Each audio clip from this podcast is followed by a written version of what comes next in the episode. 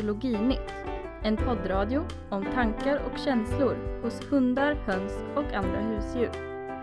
Med Per Jensen.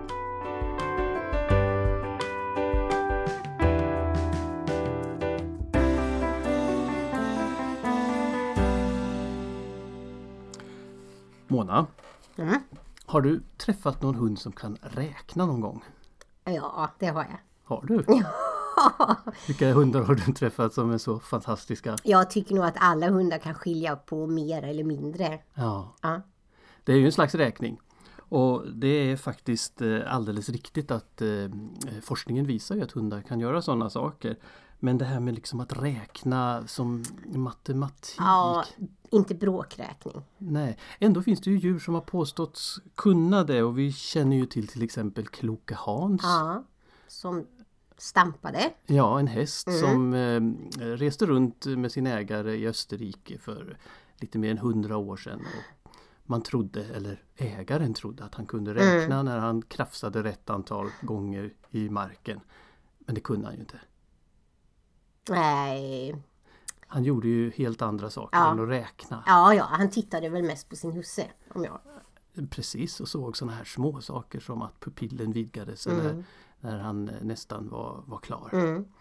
Ehm, Men jag har faktiskt också träffat en sån hund och det har du med men det har du nog glömt för när vi var unga så hade vi faktiskt en kompis med en, En shiba. Precis och den där shiban Ja. gjorde precis kloka Hans-tricket. Ja, ja, men det kommer jag ihåg. Mm. Den räknade eh, och den adderade och drog kvadratrötter och allt möjligt men bara när matte frågade. Mm. Det här avsnittet av Etologinytt ska handla om djur som räknar och jag heter Per Jensen. Jag är professor i etologi vid Linköpings universitet och med mig här idag har jag som vanligt Mona Jensen. Som är hundägare. Hundägare och eh, eh, gymnasielärare i biologi. Ja, mm. det kan vara relevant. Det kan vara mycket relevant.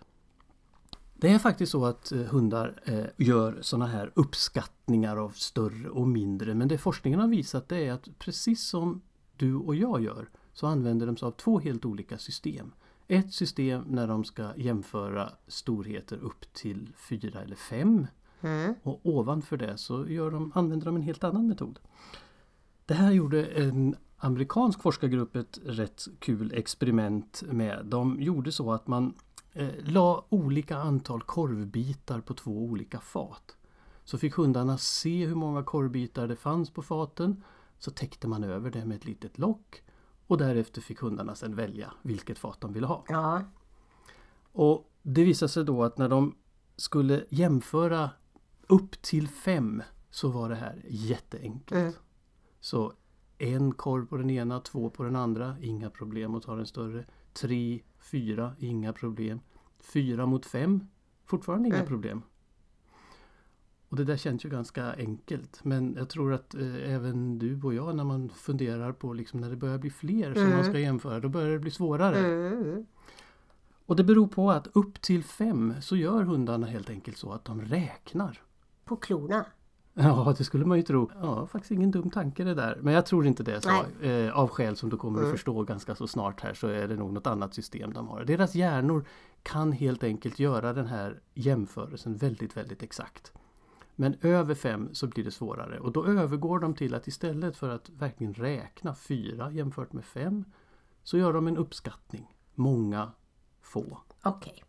Mm. Men då blir det komplicerat därför att som sagt var fyra korvar jämfört med fem korvar. Det är en lätt uppgift, det klarar hundarna i stort sett varenda gång. Mm. Men om man tar precis samma proportioner och säger att det är åtta på den ena och tio på den andra. Mm. Då blir det plötsligt jättesvårt. Och då gissar de mycket mer och de väljer fel ofta. Men kan de liksom tränas i detta då? Nej, det kan de inte. Precis som inte du kan. Därför att när du går till snabbköpet och ska handla en fredag eftermiddag och så är det lite köer till kassan, då gör du precis likadant. Står det fyra i en kö och fem i den andra kön så vet du precis vilken du ska ställa dig. jag tittar i korgarna. Ja, men det är fusk. Ja. Eh, Men anta att du inte får se korgarna. Men om det står åtta i en kassa och tio i den andra, ja men då gör man en snabb uppskattning och så ställer man sig fel. Ofta. Kan vara så. Ja. Så det här är ett eh, system som faktiskt verkar vara mer spritt i djurvärlden än vad man kanske kan tänka sig. Och eh, du och jag gör så, hundar gör så. Men eh, nu ska vi träffa en person som eh, forskar på ett helt annat djur, nämligen på kycklingar och har tittat på precis samma sak. Så att jag ringde upp en kollega i Italien, han heter Giorgio Valortigara. Han är vid universitetet i Trento i norra Italien och han har sitt labb i en liten by som heter Rovereto vid Gardasjön. Okej. Och vi vet ju var det ligger. Mm. Vi har ju faktiskt hälsat på Giorgio Valortigara i hans labb där och sett de här fantastiska miljöerna runt Rovereto och Gardasjön. Han har jobbat med kycklingar och eh, det här har han berättat för mig.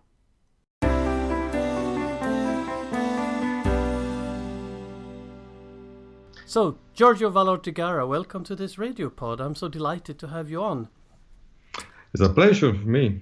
Um, a- and um, this program that we are listening to right now is about, uh, let's say, mathematical or perhaps better numerical capacities of animals. And you've done a great deal of work on this, and and actually in in chickens of all possible animals. Why? Why were why are you interested in studying numerical capacity of chickens? Well, basically because we were actually using young chicks, newborn chicks. And the reason for our interest is that we are interested to investigate uh, the very basic and origins of mathematical abilities uh, in the absence or with very little experience. And given that chicks uh, are precocial, they can be tested when they are very young, so we can check for their numerical abilities uh, uh, by controlling their previous experience. Yeah, because these little chicks, they are really very, very young, just one or two or three days old, and they have the the a brain which is the size of a, of a small nut or something like that. But you still claim that they actually have some kind of numerical or mathematical talent already when they come out of the egg. Yes, exactly. They have an ability to deal actually with numerosities. Is obviously not a symbolic or a linguistic abilities. They have nothing similar to the real stuff, to the mathematics that we can observe after training, after school in our species. But they have an ability to estimate numerosities, which is obviously useful in a natural environment to estimate the numbers of conspecifics, to estimate the size of, uh, say, grains of food, or things like that. Uh, one experiment that you uh, did and published several years ago now, or, or at least a couple of years ago, is exactly about this numerical abstraction. So you you actually found that these little chicks they are able to discriminate between different number of objects, so they can essentially differ few from many. Would you say that that is correct description? is, is basically correct. The problem obviously is that when uh, an animal is trained to discriminate in some way between physical objects, it is difficult to disentangle the possibility that they are not using numbers in itself, but rather they are using all those continuous physical aspects that co-vary with number. So imagine that I train a chicks uh, to discriminate between two dots and three dots. Two dots and three dots are not only different in terms of number, they are also different in terms of overall area occupied mm-hmm. or in terms of the perimeter, the contour length. But we can check for that. That is after they have been, for instance, trained to discriminate a particular numerosity between two sets of numerosity. We can change the size, we can change the contour length, we can change the shape, the density, and so on to check whether they are really able to abstract the pure numerosity, irrespective of the physical variables in which they are, uh, how to say, implemented in. And and and that, and and your chicks were actually able to do this when you trained them. Yes, they are able. For instance, we use a variant, uh, a, a sort of variation of a sort of, a, of an imprinting experiment. That is, we rear chicks in a home cage with a panel, and behind the panel there is uh, something very interesting for chicks, say uh, a mealworm food uh, as a reward. And the correct panel is indicated by a particular numerosity, say four. Uh, uh, and uh, another panel uh, indicate the wrong numerosity, say for instance six, and there is no mealworm behind the panel marked with 6 mm-hmm. And then the test, chicks are presented again with the same numerosities, but completely different in their visual aspects.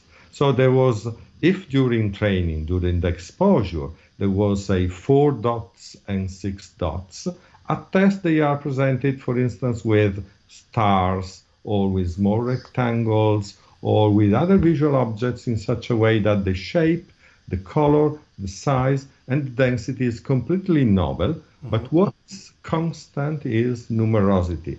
And so the point is whether chicks are able to discriminate on the basis of numerosity, discarding, so to speak, all the other aspects which are not number. And in fact, they are able to do that. So somehow they, they code the actual numbers and they can compare more versus fewer in their brains with some mechanism that, of course, is difficult to understand for us, I suppose. Well, I think it's simply a, a, a variation of a general ability that we all have and all animals have, uh, and is observing all sense organs. That is the ability to estimate quantities. Mm. And this ability to estimate quantities seems to be valid for both continuous quantity and discrete quantity. In the case of numbers, we have discrete quantities, but it's basically the same task as, for instance, discriminating uh, uh, lines of different length, for instance, or discriminating time intervals of different duration. It seems that in the brain, all these abilities are represented probably uh, with the same currency, uh, a sort of general system for estimating quantity, for estimating magnitude. And of course, it is not very precise. It is an approximate system. So, for instance, if chicks have to discriminate, say, 2 versus 4, they are identically able to do 4 versus 8 or 8 versus 16 because the ratio is the same. But if the ratio is less favorable, for instance, say 3 versus 4 or 6 versus 8, they can be less good to discriminate. And again, this is a general rule. All these quantity discriminations depends basically on the ratio between the two sets that you have to discriminate. This is true for number, it is true for uh, length, it is true for duration, it is true for space, number, and time, in other terms. Yeah, right. That's a very similar type of exercise uh, compared to what we do when we choose the the correct queue in say in, in a shop and we try to estimate which is the shorter queue so that would be pretty much the same type of, of numerosity operation i suppose. Yes very much the same very much the same. Is it is called in in technical terms by scientists approximate number system just to uh, stress the fact that it is not a precise system. It's an approximate, but obviously for small numerosities is precise enough and you cannot realize that there is an approximate system. This if they have to discriminate, say, 2 versus 4, uh, the degree of precision is perfect. But obviously, the larger the numerosity, uh, the larger the, the variance, the more difficult the task for the animals. And this is again true also for our species.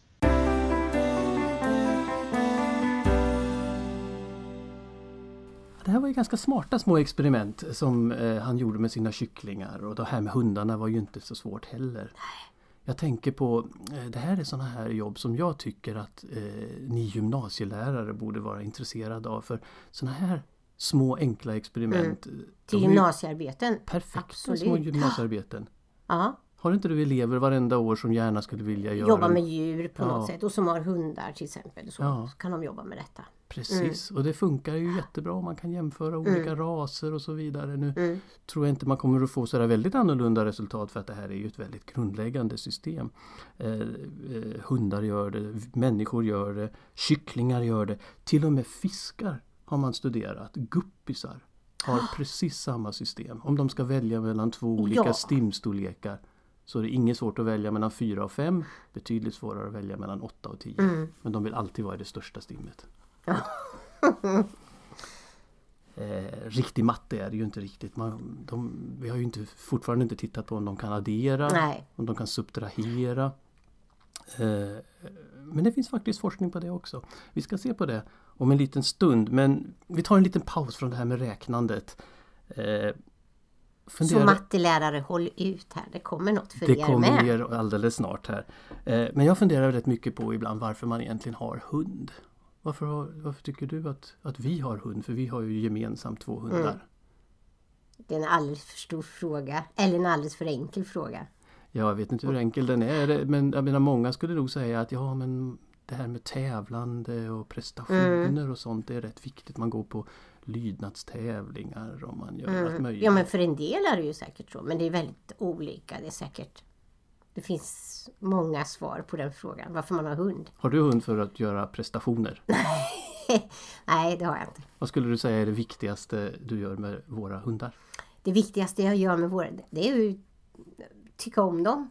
Och. Eller vad, alltså det är ju bara så. Man har ja. hund. Ja. Man går ut med dem, man är med dem. Man Gå ut med dem är ju en, en rätt viktig sak. Ja, det är jätteviktigt. Det känns bra varje dag. Men, Flera eh, gånger.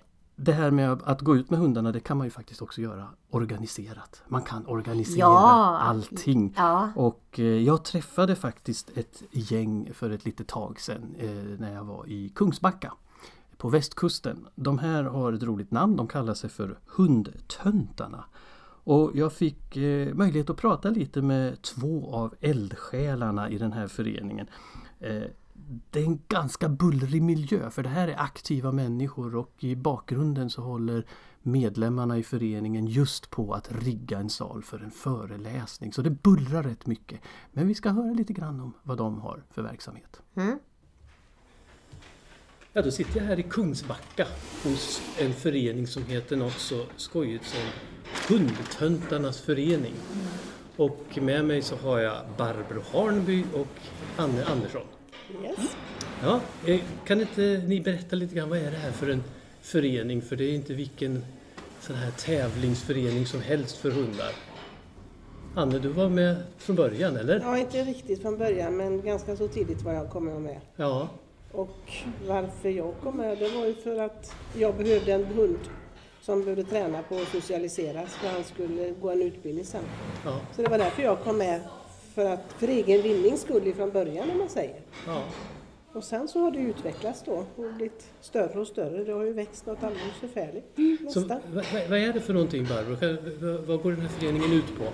Ja, det går ut på att man träffas och promenerar med varandra. Att hundarna får gå i lång, långt led efter varandra. Tyst och fint går det. Ja. Och de ska gå långsamt.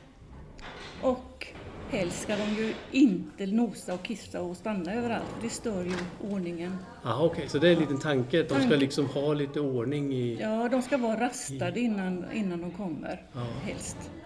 För att om en hund stannar för att ja, kissa så blir det ju stopp i ledet och då kan det bli gruff. Ja. Så att eh, vi har några enkla regler och det är att man ska ha kort koppel, hunden på vänster sida och hålla avstånd. Okej. Okay. Om alla gör det så flyter det bara på. Och hur långa promenader är det ni går då? Ja, det brukar väl vara en, en och en halv timme. Ungefär. Oj! Mm. Ja. Och tre, dagar, tre gånger i månaden så går vi i Kungsbacka närområde då. För det var ju så vi gjorde från början bara för att alltså de som bara har hunden för hundens skull och som inte tävlar eller gör någonting sånt med hunden skulle ha lätt att komma och vara med på de här promenaderna. Och man skulle inte behöva sätta sig i bilen och åka långt utan det skulle vara en närhet. Vi hade till och med lite kurser ett tag ja. in, in nära så att de skulle kunna komma då.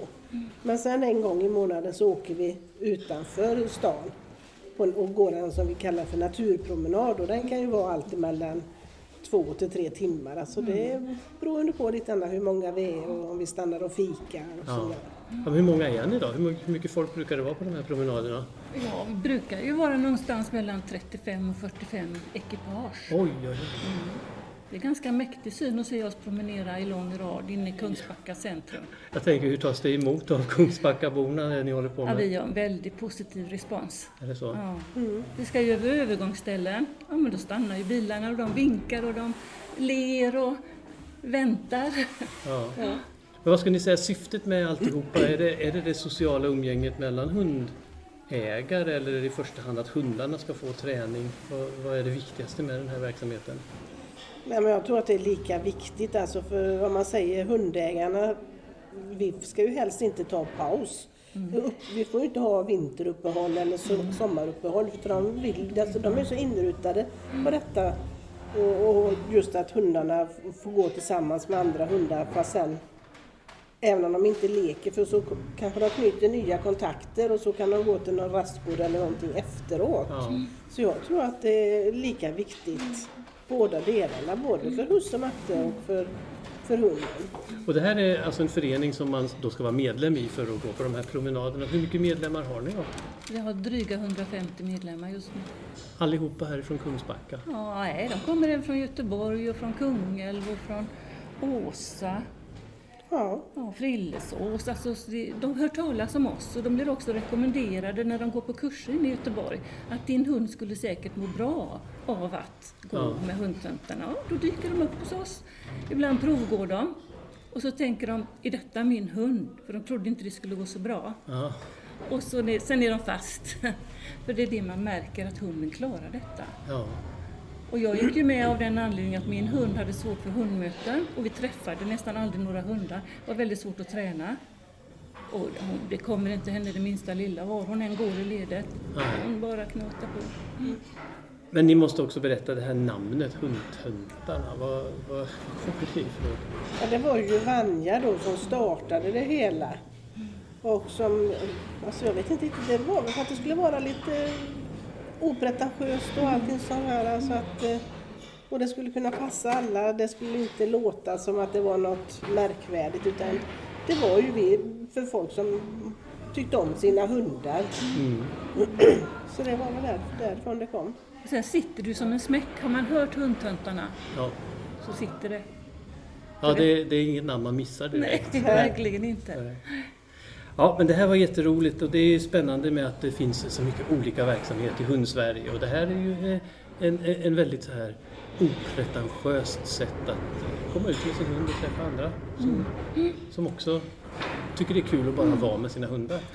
Och sen grejen som är viktig för våran del då, det är ju kanske för dem som, som jag sa innan, de här som bara har sina hundar för hundarnas skull, att att de kommer ut på lite annat och kanske får lite information. Och på våra, vi brukar ha kanske någon föreläsning eller på årsmötet har vi någon aktivitet eller så här. Och sen har vi julavslutning och vi har sommaravslutning och då brukar vi bjuda på att dricka och korv och grillad korv och mm. sådana här saker. Så att det är ju en väldig social gemenskap. Mm. Det är det. Mm. Ja, jätteroligt och tack för det här samtalet eh, och lycka till med era promenader här framöver nu när våren kommer på allvar. Mm, tack så mycket. tack, ska ni ha Anne och Barbro. Mm, tack.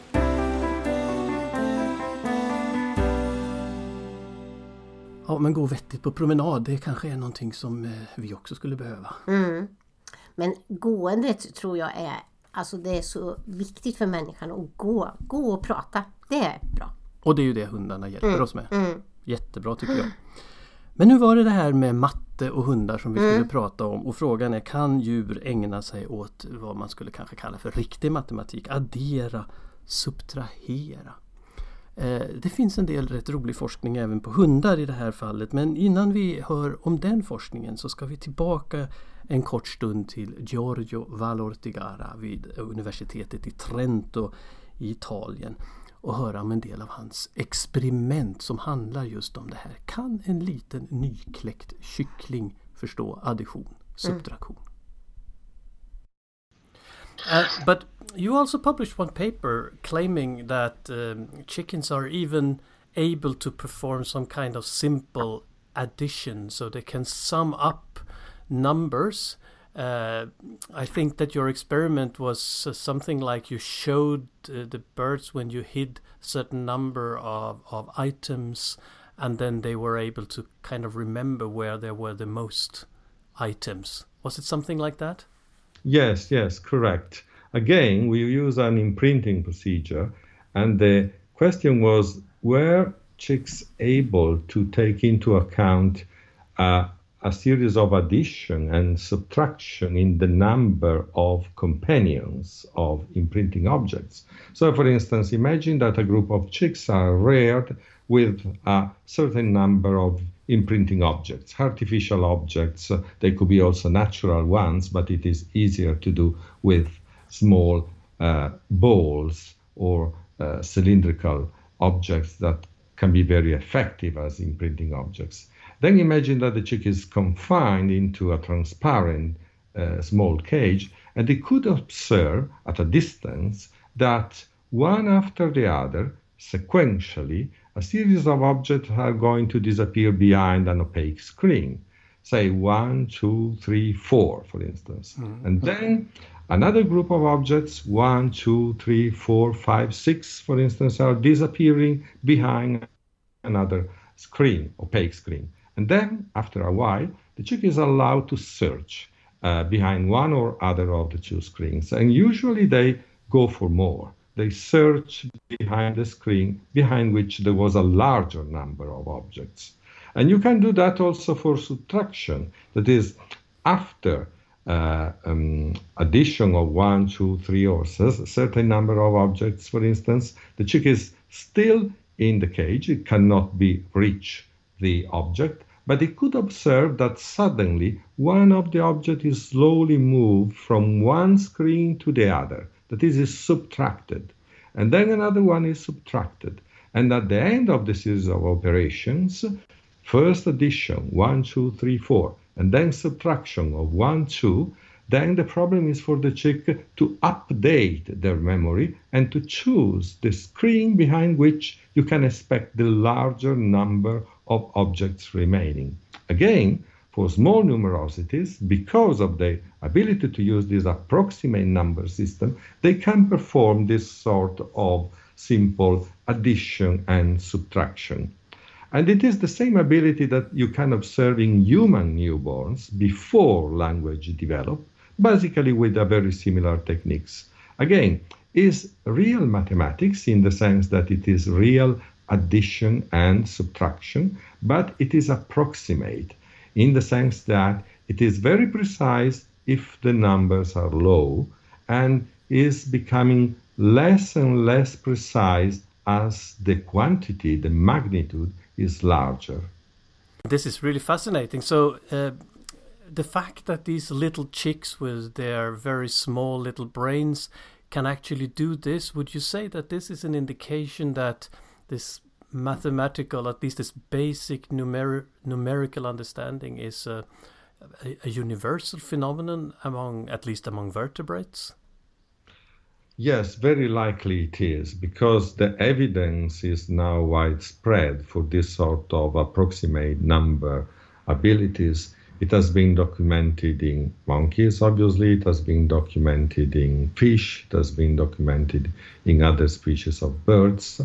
And actually, there is also some evidence for uh, uh, neural mechanisms underlying these abilities. It seems that in the brain of monkeys, but recently, Andreas Nieder in Germany has documented this also in the brains of crows, um, corvid species of birds. There seems to be neurons that uh, show an activity which is selective for numerosity. That is, in other terms, there are neurons that show a peak in their response activities when the animal is looking, say, at four, which means that if the animal is looking, for instance, at a larger numerosity, say five or six or seven, the discharge level of this neuron would decrease and would similarly decrease for three, two, one. So there is a peak for a specific numerosity, but the response is not all or none, is a sort of analog mechanism that uh, uh, respond and code numerosity in an approximate system. Obviously, for numbers which are very close to each other, say 3 and 4, there will be large overlapping between the activities of the neuron for 3 and the neuron for 4. But for numbers which are not overlapping or less overlapping, say 2 and 6, there will be less overlapping and therefore more precise response, even in terms of neural activities. So we know for sure that at least for mammals and for birds, there are specific there is a specific machinery for this sort of numerical abilities. We don't know if the same is true for reptiles and fish. We know that behaviorally they are able to perform this task. We don't know whether the machine in the brain is the same. I think it's very likely that it is the same. This is absolutely fascinating, and I hope that uh, uh, the listeners, just like me, are gonna watch chickens with a different set of eyes in the future. Giorgio Vallatugara, thank you very much for this chat. Thank you.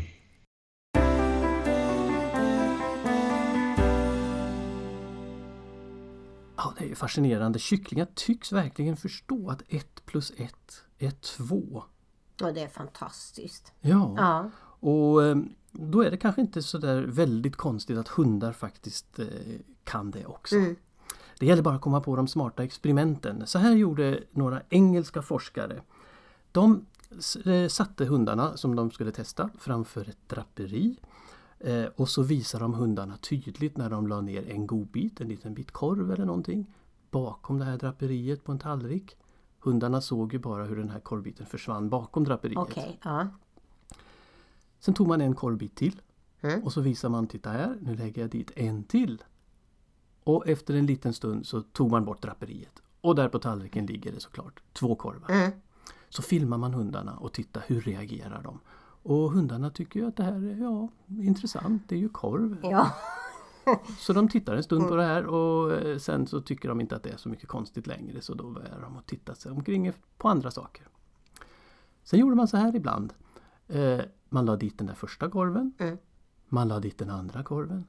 Och samtidigt så smusslade man undan den första utan att hunden såg det. Okay. Så när man drog undan täcket så låg det fortfarande bara en korv.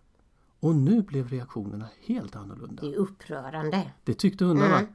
De tittade förundrat mm. på eh, ägaren och på personen. De tittade om och om igen på den där enda korven. Mm. De hade ju sett ett plus ett. Ja. Och det som var svaret nu var ju bara ett och det gjorde de väldigt upprörda. Och på samma sätt så gjorde man så att man la dit eh, tre korvar men sen smusslade man undan mm. en.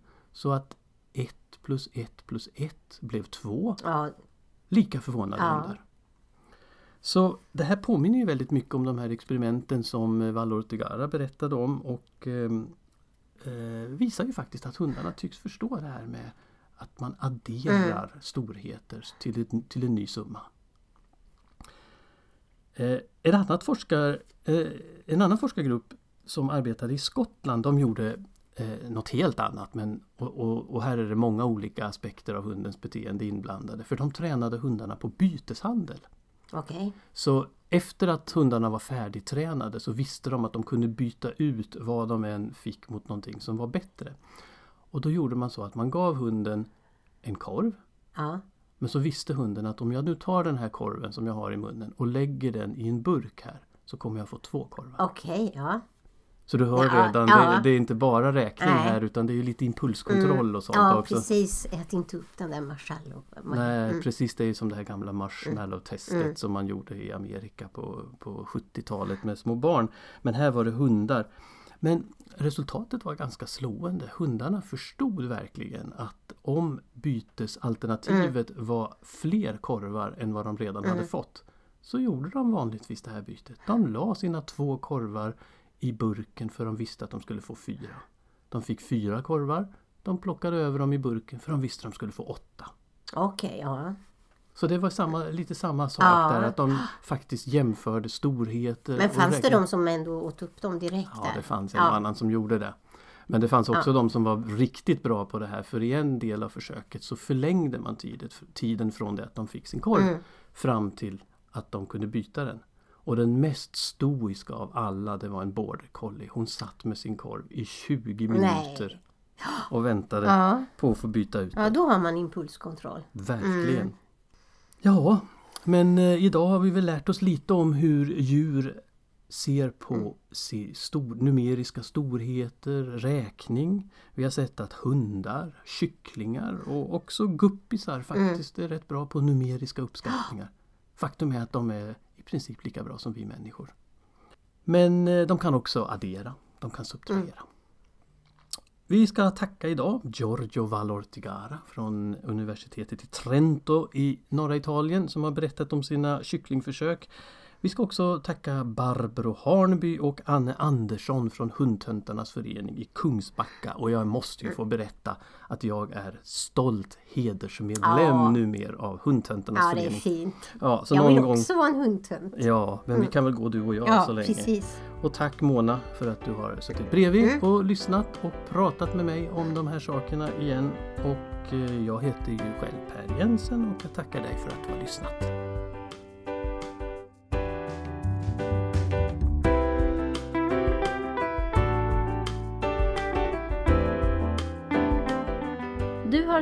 Etologinytt, en poddradio från text, tal och ton. Producent och programledare var Per Jensen.